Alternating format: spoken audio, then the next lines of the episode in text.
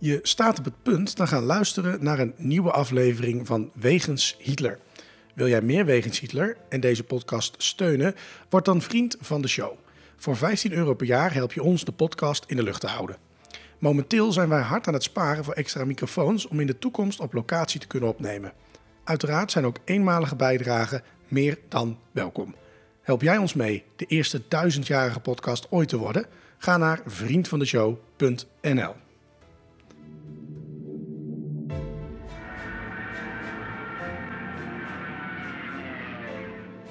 Wegens Hitler. De podcast over Adolf Hitler.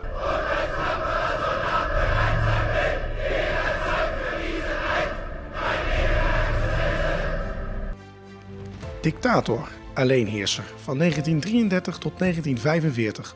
Een man met miljoenen doden op zijn geweten. Das war ein Befehl! Der Angriff Steiners war ein Befehl! Een man waar ongelooflijk veel verhalen over te vertellen zijn. Ook al die jaren na zijn dood.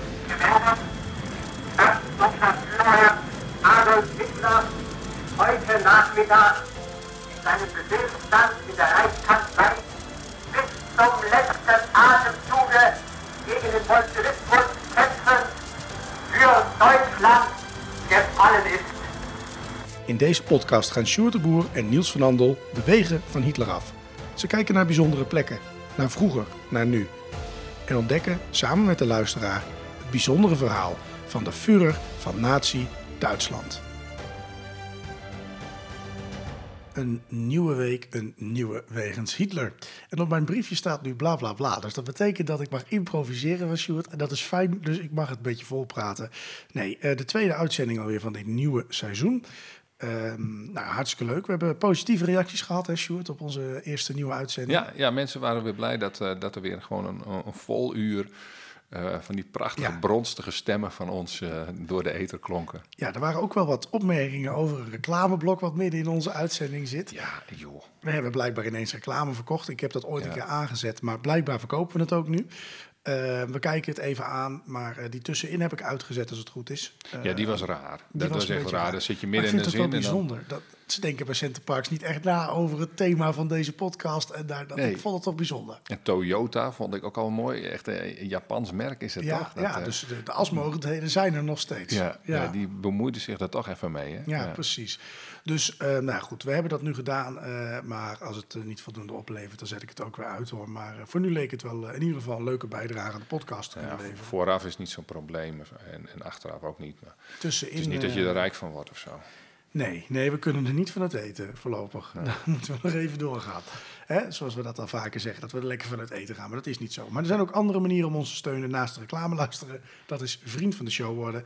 En dat heb je in het begin van deze uitzending ook al gehoord. Dus doe dat vooral als je dat nog niet bent. Ehm, ja, voor minder dan een kop koffie per maand eh, eh, help je de podcast in ieder geval in stand te houden. Nou, en na al deze heerlijke reclame, eh koop nog even de boeken van Sjoerd. Dan hebben we het allemaal weer gehad. Dan gaan we snel naar het eh, eerste onderdeel. En dat is zoals altijd Hitlers dagboek. Hitlers dagboek. Het leven van Hitler duurde 20.463 dagen. Wat deed Hitler op deze dagen? Waar bevond hij zich? En vooral waarom?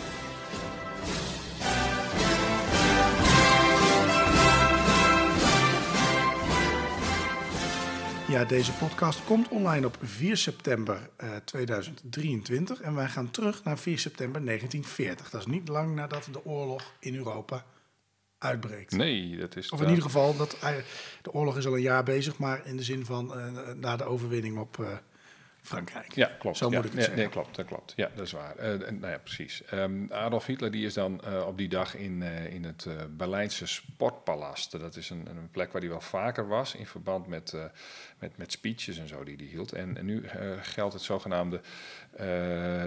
is het zo dat hij, dat hij voor het hint- winterhielfswerk, dus winterhulp, dat hij dan een, sp- een speech hield. Nou, dat was, een, dat was iets, dat was eigenlijk gestart in, tijdens de depressie. En dan, dan gaven ze hulp hulp aan mensen die dat nodig hadden.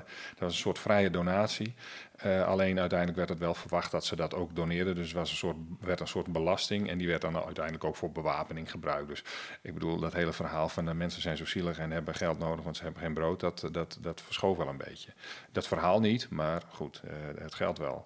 Nou, de locatie Sportpalast is, een, is, een, is dus een hele bekende plek. En die kun je kennen van de totale kriek-toespraak van Speer en Gubbels. Die heeft daar ook plaatsgevonden. Nou, ik ben er een keer geweest op die plek. Er staat nu een groot uh, flatgebouw uit de tijd van de DDR. En uh, er staat nog wel een grote bunker naast. En uh, nou ja, goed, dat, uh, um, het, het, gebouw zelf bestaat niet meer. Nou, we gaan naar die 4, 4 september 1940. Op deze dag is hij daar om vijf uur s middags. En um, kijk, wat jij zegt, het is een paar maanden na de inval in het Westen. En Hitler heeft nog best wel een grote mond op dat moment. Um, en ja, de misschien opvallendste uitspraak uh, tijdens die toespraak, die, die heeft hij alleen nooit waar kunnen maken. Maar hij zei dit, nou, in, in mijn beste Duits, wenn Sie wenn sie, en dat gaat dan over de, de, de vijand, de, Britten bijvoorbeeld, wenn sie erklären, werden unsere Städte in großen Ausmaß angreifen, wir werden, alle, alle, wij, wir werden ihre Städte ausradieren. En dat, dat is vertaald, als zij, de Britten dus, verklaren dat ze de meeste van onze steden zullen aanvallen, dan zullen wij hun steden uitroeien. Uh, nou ja, en die belofte heeft hij dus gelukkig nooit waargemaakt. Nee, maar andersom eh, kunnen we toch wel zeggen dat dat uh, aardig gelukt is. Ja, hij had daarop moeten reageren, maar dat heeft hij dus niet nee, echt heeft kunnen hij voorbrengen. Verzuimd. Ja, ja, en daar gaf hij dan vervolgens Geuring de schuld van natuurlijk. Ja, snap ik ook wel. Was ook een waardeloze vent. Maar goed, daar kunnen we het nog wel eens over hebben. Um, interessant om uh, weer even te horen. En nou, helaas dus niet meer te bezoeken die plek. Uh, tenminste de plek wel, maar er staat niet meer wat daar stond. We gaan naar het uh, belangrijkste onderdeel van onze podcast. En dat is toch wel de plek. De plek bijzondere plekken of verhalen die te maken hebben met Hitler. De plek, um, dat is een uh, route. Duitsland, Oostenrijk, Italië, Zuid-Amerika. Het is uh, um, um, dus niet echt een vaste plek waar we naartoe gaan. En nee. we gaan het hebben over de vermeende organisatie Odessa. deze zou na de Tweede Wereldoorlog zijn opgericht om SS'ers en andere naties te helpen ontsnappen uit Duitsland en andere delen van Europa. Uh, even opletten voor de luisteraars. Het is mogelijk een beetje een uh, speculatief verhaal, omdat er uh, onzekerheid bestaat over de feiten rondom de nazistische reisvereniging.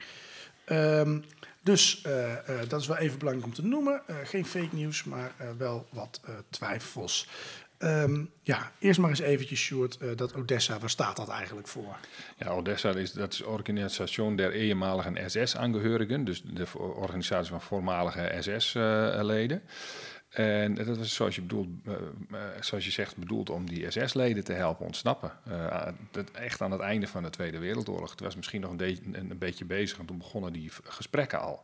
Ja, um, nou, uh, Oké, okay. ik kan me voorstellen dat je, uh, dat je weg wil als je bij de SS hebt gezeten. Want dan was je niet echt een lekker nee. jongen of meisje. Nee. Um, daar zijn mensen van geweest die dit hebben bedacht en dus opgericht hebben. Wie waren dat?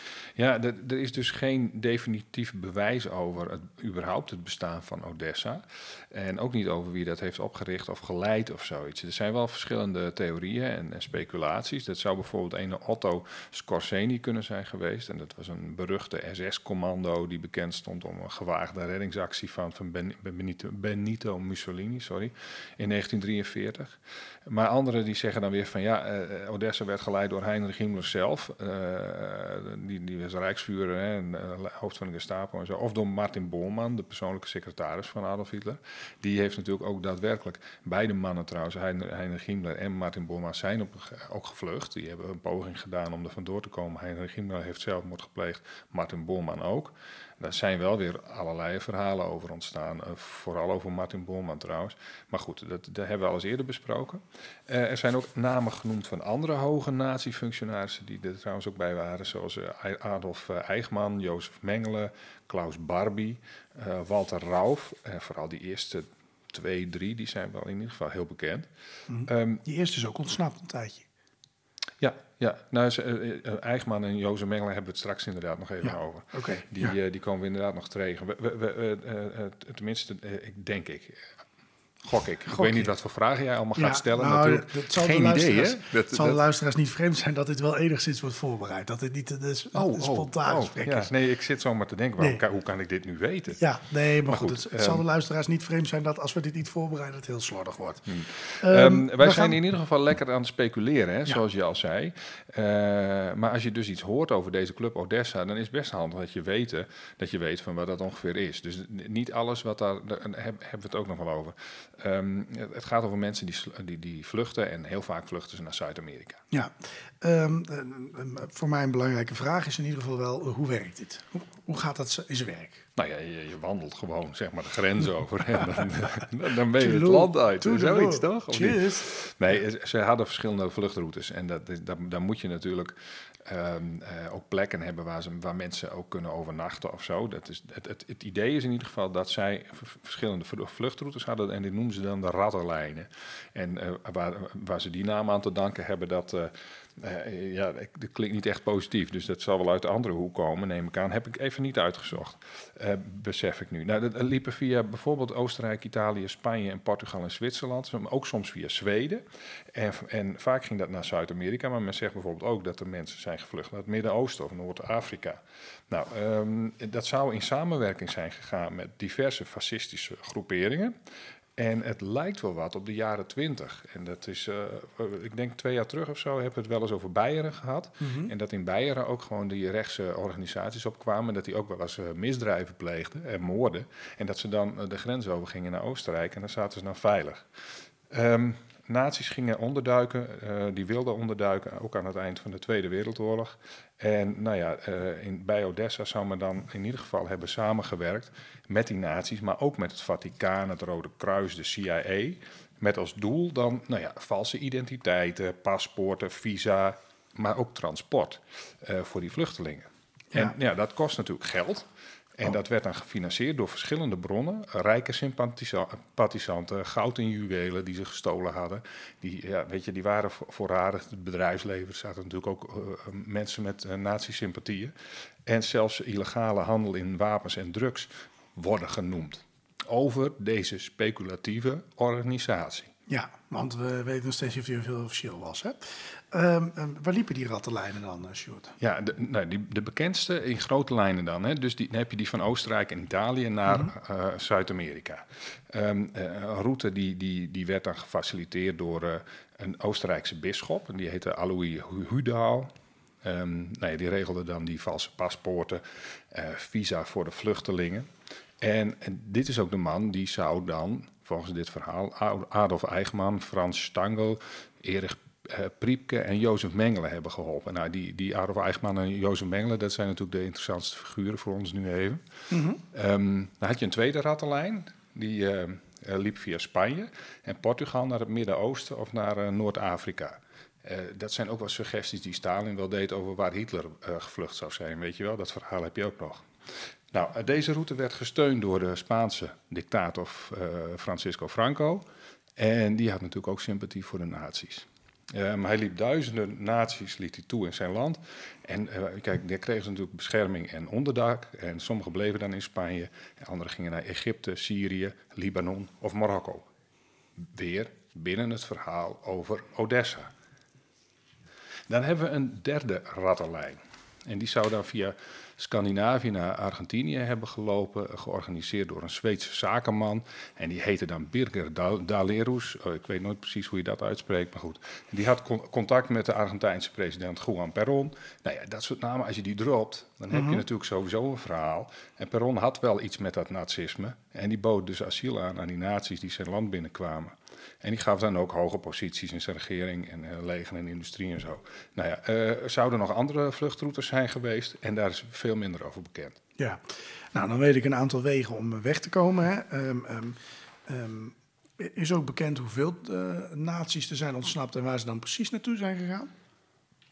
Ja, dat is, dat is heel lastig te bepalen. Die, uh, omdat het natuurlijk heel uh, speculatief is. Mm -hmm. um, uh, maar er worden wel getallen genoemd dat tussen bijvoorbeeld 45 en 52, zo'n 9000 naties naar Zuid-Amerika zijn gevlucht. Nou ja, ja, dat weet je dus niet zeker of dat ook daadwerkelijk zo was. Maar het is niet superveel op um, een, een bevolking van miljoenen. Nee, nee, maar als, als dat toevallig dan net 9000 figuren zijn eh, van een behoorlijke statuur of zo, dan, eh, Ja, dan is het wel dan wordt het wel lastig. Maar Ja. ja, ja, ja. Nee, nee, in feite is dat niet zo heel erg veel. Maar goed, eh, de populairste bestemmingen. En dat is natuurlijk Argentinië, Brazilië, Paraguay, Chili als je naar Zuid-Amerika gaat. En, eh, maar dus ook Egypte, hè, Syrië, Libanon, Marokko. En sommigen bleven ook gewoon in Europa ergens eh, de- met een andere identiteit of gingen naar Noord-Amerika. Ja, Ehm, nou, eh, oké. Ik ben gevlucht, mijn land uit. Ik was een eh, fantastisch hooggeplaatste natie. Ehm, ik, ik moet dan ook eh, ja, in mijn nieuwe land iets gaan doen. Wat deden ze daar zoal? Ja, het is, het is natuurlijk een beetje voorspelbaar. Want ik bedoel, als je, als je boer was, dan zou je vast wel iets in die, in die hoek gaan doen. En, en dat is ook zo. Die mensen die proberen dan daar een nieuw leven op te bouwen. Met een andere naam en een andere identiteit. Maar ja, je opleiding kun je niet, of je, of je werkervaring kun je natuurlijk niet echt zomaar in, in, in binnen twee maanden veranderen. Ehm, eh, ze leefden daar een beetje anoniem, vaak een beetje geïsoleerd. Eh, sommigen mengden zich toch wel met de bevolking. Eh, anderen vor- vormden bijvoorbeeld ook weer gemeenschappen met andere naties. Er zijn allerlei filmpjes over, die zijn ook weer heel spec- speculatief. Maar het lijkt er wel op dat daar aardig wat mensen zijn gaan wonen. Eh, in, in, in gemeenschappen, Duitse gemeenschappen. Dus dat, dat is dan weer iets, nou ja, dat kun je waarschijnlijk wel terugvinden. Ehm, nou, dat varieerde natuurlijk op basis van hun beroep. En eh, kijk, er zijn eh, mensen vanuit allerlei hoeken die zijn, die zijn daar terechtgekomen. Ehm, maar er zijn ook bijvoorbeeld figuren geweest die gingen dan gewoon toch door met het nazisme verspreiden.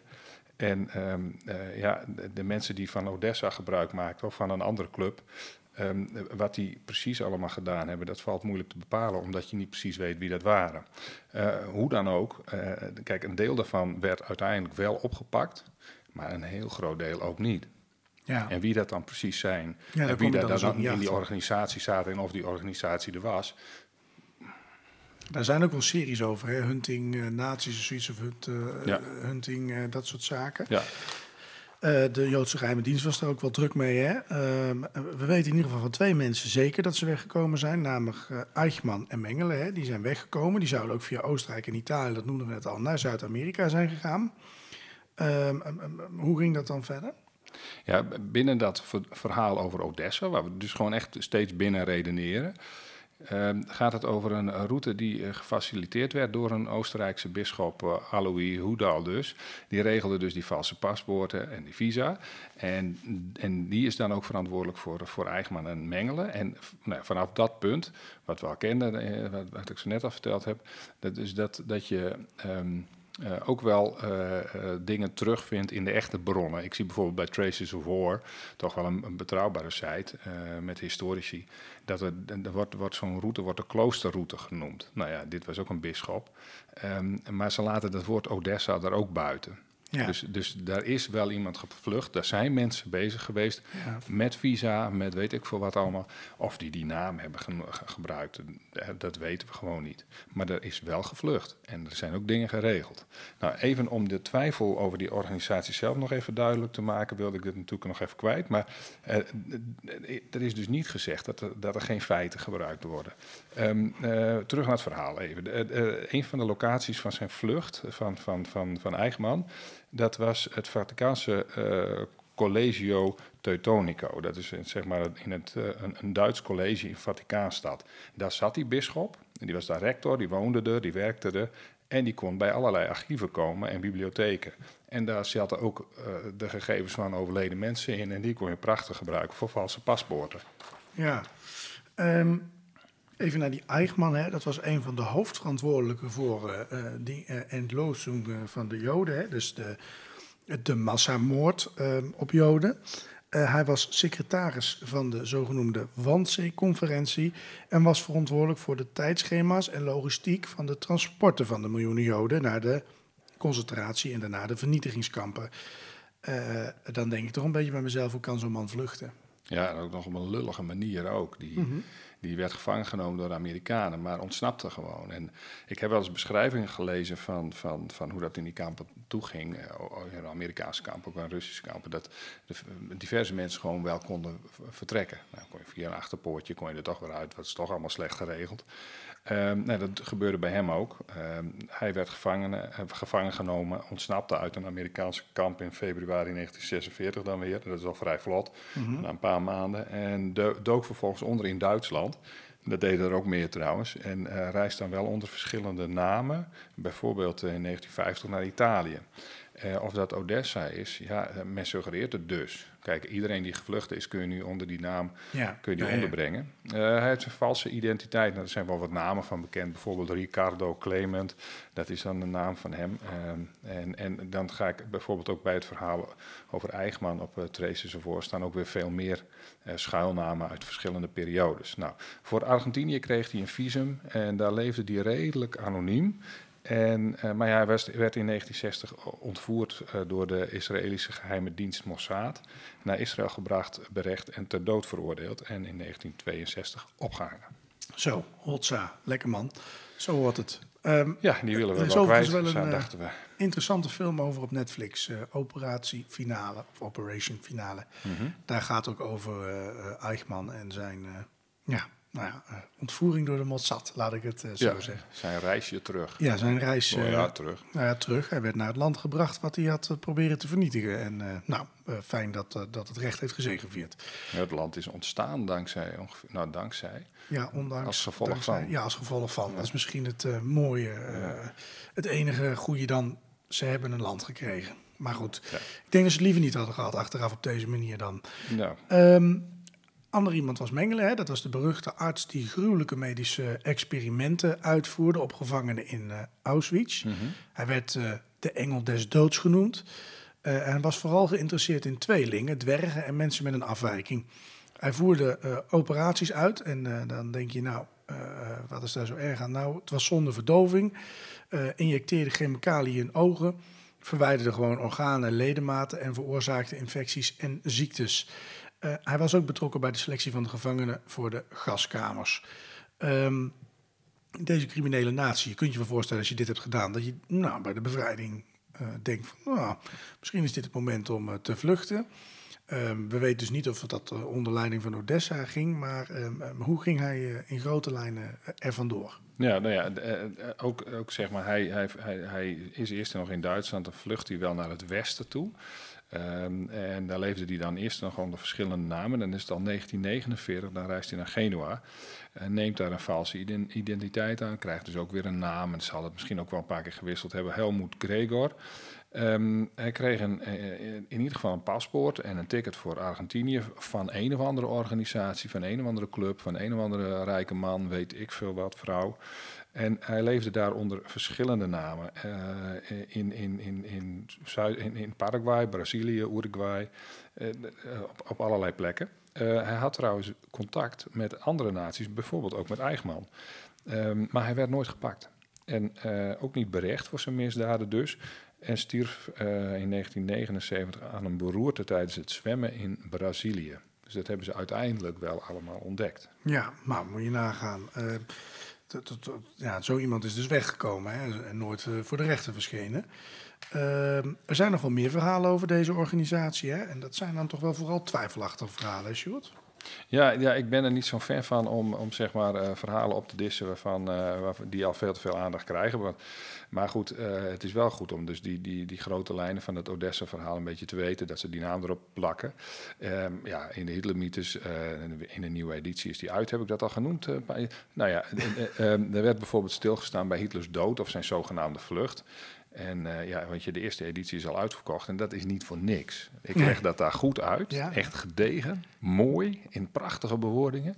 En dat voor een paar tientjes. Ja. Oh nee, nee, sorry. Wij zijn bezig met een podcast. Ik hou snel. eh, ik ga terug naar. eh, ik stuur Sjoerd ook altijd facturen voor de reclameblokken die hij inkoopt bij zijn eigen podcast. ja, nee, goed, ik werk sinds kort bij Toyota en Center Parks. Ja, dus precies. Ik, eh, Nee, ik begrijp helemaal de truc, Het is allemaal win-win dit. Ja, precies. Ehm, eh, nee, we gaan terug naar, naar, naar zeg maar de Odessa-variant, waar, waar, waar, eh, waar bijvoorbeeld eh, Hitler ook een rol in speelt, waarin die wordt genoemd. Je weet, ik geloof er niet in, ehm, maar hier, hier zit, speelt het, het, het Hohenems in Vorarlberg, Oostenrijk, speelt daar een rol in. Dat kasteel was het eigendom van mensen die sympathiseerden met de nazi's natuurlijk. Eh, en dat werd bijvoorbeeld dus in verband gebracht met, met de vlucht van die Martin Bormann die we al noemden. Maar ook Heinrich Müller, de, noemt ook, noemde ook wel Gestapo Müller. Eh, geen lievertje, eh, hoofd van Gestapo ook. En, en, en, en, en dus ook met Adolf Hitler zelf. Um, nou ja, net als bij die Rijkskanselij zijn er heel veel verhalen voor, van, van, van tunnels en bunkers onder het kasteel. Uh, hier dan gebruikt niet om zozeer te vluchten, maar om, om die nazi's te verstoppen. En dan moesten ze daarna natuurlijk wel weer weg. Ja. Maar er is geen enkel bewijs voor die beweringen over dit kasteel in combinatie met die drie namen in ieder geval. Dus uh, ja, daarbij laat ik het, ik vind, ja, dan laat dat maar zitten. Want als we dat niet kunnen bewijzen, en zeker met Hitler niet, dan nou ja, lijkt het me nogal essentieel om daar ook niet over te gaan speculeren. Maar dat wordt wel weer in verband gebracht met Odessa. Ja. Um, als slot, hè, dan toch nog maar een keer de vraag. Even voor eens en voor altijd duidelijk hebben.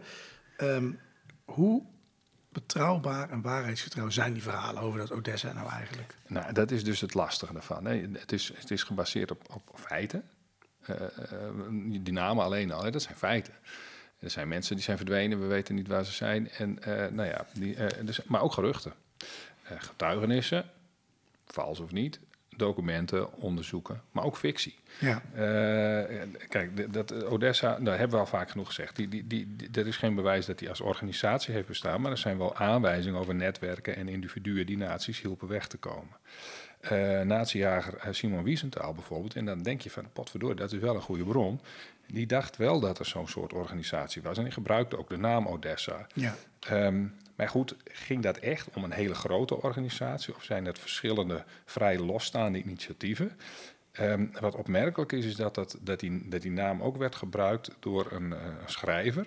Uh, de Odessa-file van Frederick Forsyth uit 1972. Die, die, die, is natuurlijk ook verfilmd. Ja. En dat doet altijd een heleboel damage als het gaat om de waarheid. Ja.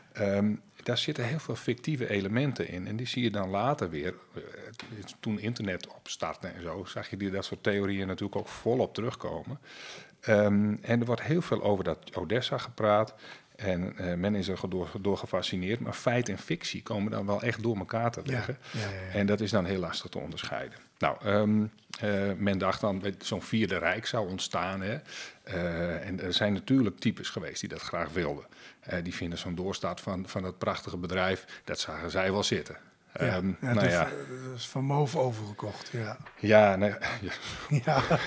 dat kan echt niet. nee, ja, maar goed, dat, dat, dat, dat, ja, dat, dat, de feit en fictie loopt door elkaar. Ja. Het, is, het, is, het is een beetje een, Er waren toch ook wel bijeenkomsten van oud-na, tenminste uh, in, in het boek Berlijn, wat ik gelezen heb, uh, geheime diensten in Oost-Berlijn en ook in West-Berlijn, die, die lokten wel een beetje die nazi-sympathisanten uit infiltreerde iemand en die moest dan de bijeenkomst verraden waar die was, waar ze wel een vierde rijk bespraken, toch? Ja, maar ze, ze, hebben natuurlijk gepraat over hoe komen we hier weg en dat zal ongetwijfeld zo zijn. En er zijn, zijn ook clubs geweest die geld hadden. Uh, dat, dat, dat zal ongetwijfeld... En, en, en, en uh, ja, al die feiten die zullen wel kloppen, want en die individuen kunnen niet zomaar allemaal uh, zonder verband, zonder, zonder, zonder afspraken, zomaar de grens overgaan. Um, en er is gewoon bewijs van individuele vluchten. Voor, van Eigenman en, Mengel, en, en, en Mengelen bijvoorbeeld. En uh, ja, die bewijzen zijn er. Mm -hmm. Voor het bestaan van dat grote Odessa. Dat, dat, dat, ja, dat hebben we gewoon niet. Nee. Dus uh, ja, zo uh, blijven we dan toch maar met vraagtekens een klein beetje achter of die club bestaan heeft. En, maar waarschijnlijk dus, dus niet. We gaan naar het volgende onderdeel. Dat is zoals altijd het Natiejournaal.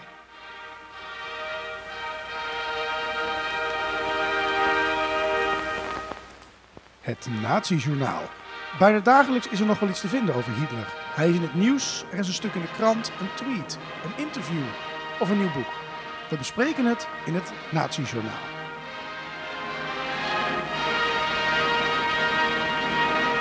Ja, we gaan uh, naar het Nazi-journaal. Uh, het eerste is een, uh, een bijzonder feitje, namelijk een bommenwerper uh, die komt na 80 jaar onder het uh, IJsselmeer vandaan. Zo. Uh, dat is toch wel al even geleden. Hè? Dat is, het gaat om een bommenwerper die in de Tweede Wereldoorlog is neergestort in het IJsselmeer. en daar, daar is de berging van gestart. Eh, na 80 jaar wordt het toestel uit het water gehaald. En de afgelopen weken is een stalen bak van 30 bij 30 meter om het vliegtuig heen gebouwd. Want je kunt je wel voorstellen, als dat ding al even op de bodem ligt, dat dat niet meer eh, erg van harte omhoog wil. Nee, het zal niet in één stuk... eh, Nee, het zal niet, niet vanzelf gaan als je het gewoon zo er, a- a- aan een, eh, een hijskraan hangt, zal ik maar even zeggen. Eh, het water in de bak wordt dan vervolgens weggepompt en dan, eh, nou, dan eh, kun je die boot eh, of dat ding eh, naar boven hijsen of eh, die bak naar boven hijsen en Mhm. het water eruit halen. Ehm, het zal wel een paar maanden duren voordat het vliegtuig uit het water is gehaald. En nou, natuurlijk zullen daar waarschijnlijk slachtoffers in zitten, dus die kunnen dan worden geïdentificeerd. Eh, de Britse bommenwerper deed op eh, 12 juni 1943 mee aan een aanval op de Duitse stad Bochum en raakte daarbij beschadigd door Duitse luchtafweer. Op de terugweg naar Engeland werd het beschadigde toestel opgepikt door een Duitse radar en neergeschoten. Het kwam terecht in het IJsselmeer, niet ver van de afsluitduik. Zeven inzittenden kwamen om het leven. Van drie van de zeven inzittenden van de Lancaster geldt dat hun stoffelijk overschot nooit is gevonden. De berging is met name opgezet om hen te vinden. En het is niet zeker dat de lichamen daadwerkelijk nog in de bommenwerper aanwezig zijn. Maar het zou kunnen. Ehm, Benieuwd. nou, ja, ben ook benieuwd hoe dat zich verder eh, zal ehm, ehm, eh, ontwikkelen. Een ander dingetje wat dankzij Hitler eh, zo is, is dat er eh, van alles te koop is in Rotterdamse huizen die gesloopt moeten worden vanwege een bom. Drie panden in Rotterdam worden gesloopt en dat vanwege een oude vliegtuigbom uit de Tweede Wereldoorlog. De bom die niet is afgegaan bevindt zich zeer waarschijnlijk onder deze drie panden. Ehm, in, eh, in de Klaas de Vrieselaan, zeg mij helemaal niet. mij nog minder, want Als ik je er woont waarschijnlijk, dan wordt het wat minder. Dan zeg je dus mijn huis. Ja. Ehm, afgelopen zaterdag konden mensen in de huizen kijken om te bieden op ornamenten in het huis. Zoals een klassiek wasbakje of een deur met glas in, rood eh, glas in loodramen. En de opbrengst van de verkoop eh, die gaat naar een wijkonderneming die het geld investeert in het buurtproject. Ehm, dan zul je denken, is dit nou uniek? Nou, in, in, in Rotterdam liggen nog best wel wat eh, ontplofte bommen uit de Tweede Wereldoorlog. Of, of onontploft, hè, dus eigenlijk. Ehm, bommen die diep eh, liggen, die kunnen eigenlijk weinig kwaad. Je moet er alleen niet met een heipaal eh, of met je graafmachine Nee, nee, overheen. Nee. Dus dat is best wel link. Dat ook van die jongens die, die dan gas in, in, in, eh, in eh, heet het, van die gangenstelsels van mollen doen en dan vuurtje erbij. maar goed, dat is dan weer zo'n lelijkste. eh, ja, nou ja, maar als er maar zo'n bom zitten, dan, dat, is de mol in ieder geval weg. Dat is Ja. duidelijk. Ehm, ehm, er is een speciale kaart van trouwens. Ehm, ehm, en dat is eigenlijk een kaart waar de gemeente toont waar vermoedelijk nog onontplofte bommen in de grond liggen. Dus nou, dan weet je als je een huis koopt wat je even moet checken. Ja, dat moet je wel in de gaten houden. Ja. Ja.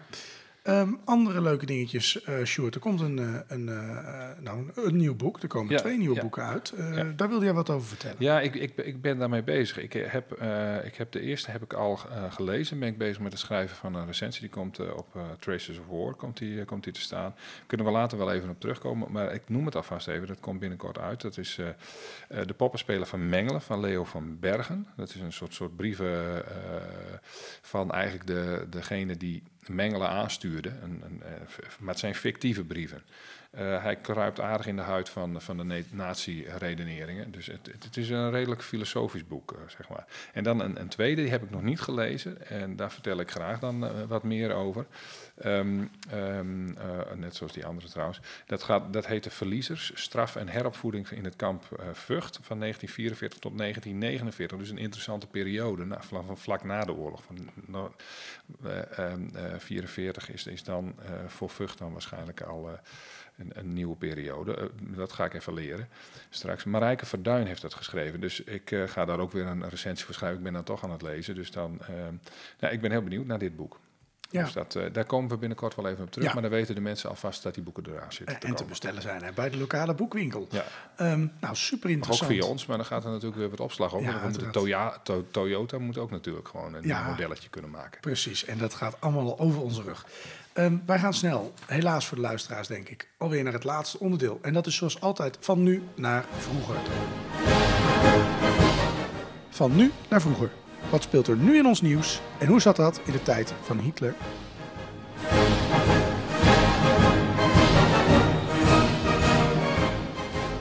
Ja, ehm, met de voorbereiding, eh, dan zitten we soms eens even te zoeken naar, eh, ja, wat, wat kunnen we nou bij Van Nu naar Vroeger doen? Want soms dienen ze zich aan, maar soms ook niet. Nee, Ehm, soms zijn ze ook heel moeilijk. Soms zijn ze ook best wel Maar moeilijk. ik had er één die kan gewoon eigenlijk niet. nee, dus Je kunt soms denken aan iets en, dan, en dan, dan, dan kom je met die vergelijking over de Tweede Wereldoorlog en dan wordt het... En als je dan, dan het idee in je hoofd hebt van dat er een vergelijking plaatsvindt, maar je gaat het dan vergelijken met iets dat in de kamp nog heeft gebe- is gebeurd, dan is de vergelijking meteen zo uit het lood. En ja, en dan, dan doen we maar niet. Dan wordt het een soort ad Hitlerum of eh, weet Ja. je wat. Dat, nou, dat, daar dat kunnen wij dan niet, op hè? betrapt worden. Maar eh, Ja. goed, we hebben er toch weer eentje gevonden deze keer.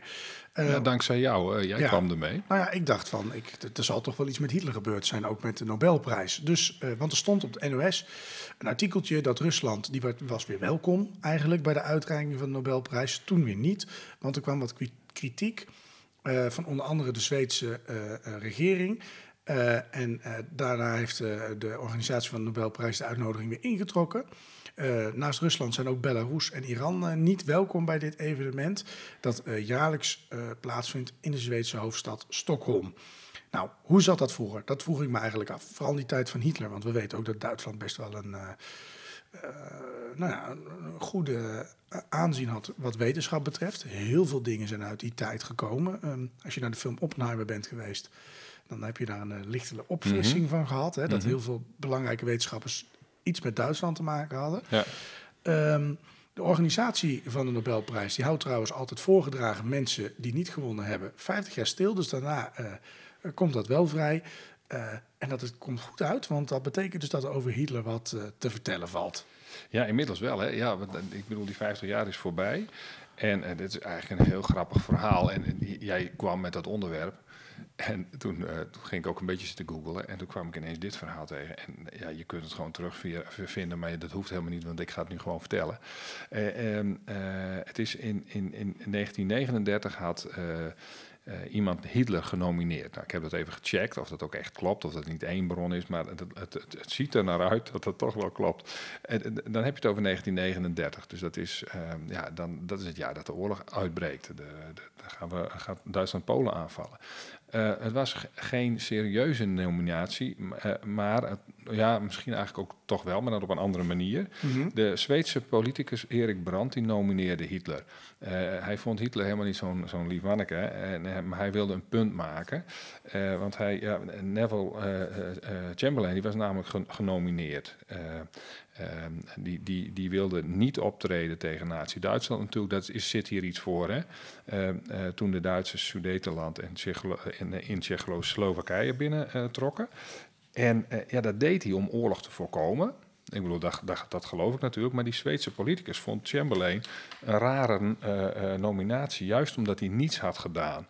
Ehm, en die nominatie van Hitler door die Zweed is dus ook ongelooflijk cynisch. Ja. En dan schrijft hij als de oorloghitsers, en zo noemde Hitler altijd nou ja, de Britten bijvoorbeeld, zich inhouden, zoals Chamberlain had voorgesteld, zal Hitler binnenkort vrede brengen over heel Europa en misschien wel de hele wereld. Ja, nou dat is echt buitengewoon cynisch. Ja. Ja, ja, Ja. want dat soort vrede, daar zat Europa helemaal niet op te Nou, wachten. Er was maar één land dan Duitsland in Europa. Ja. Dus dat, en misschien wel over de hele wereld. Als het gelukt was, was het misschien binnen de grenzen van Duitsland redelijk vredig geworden.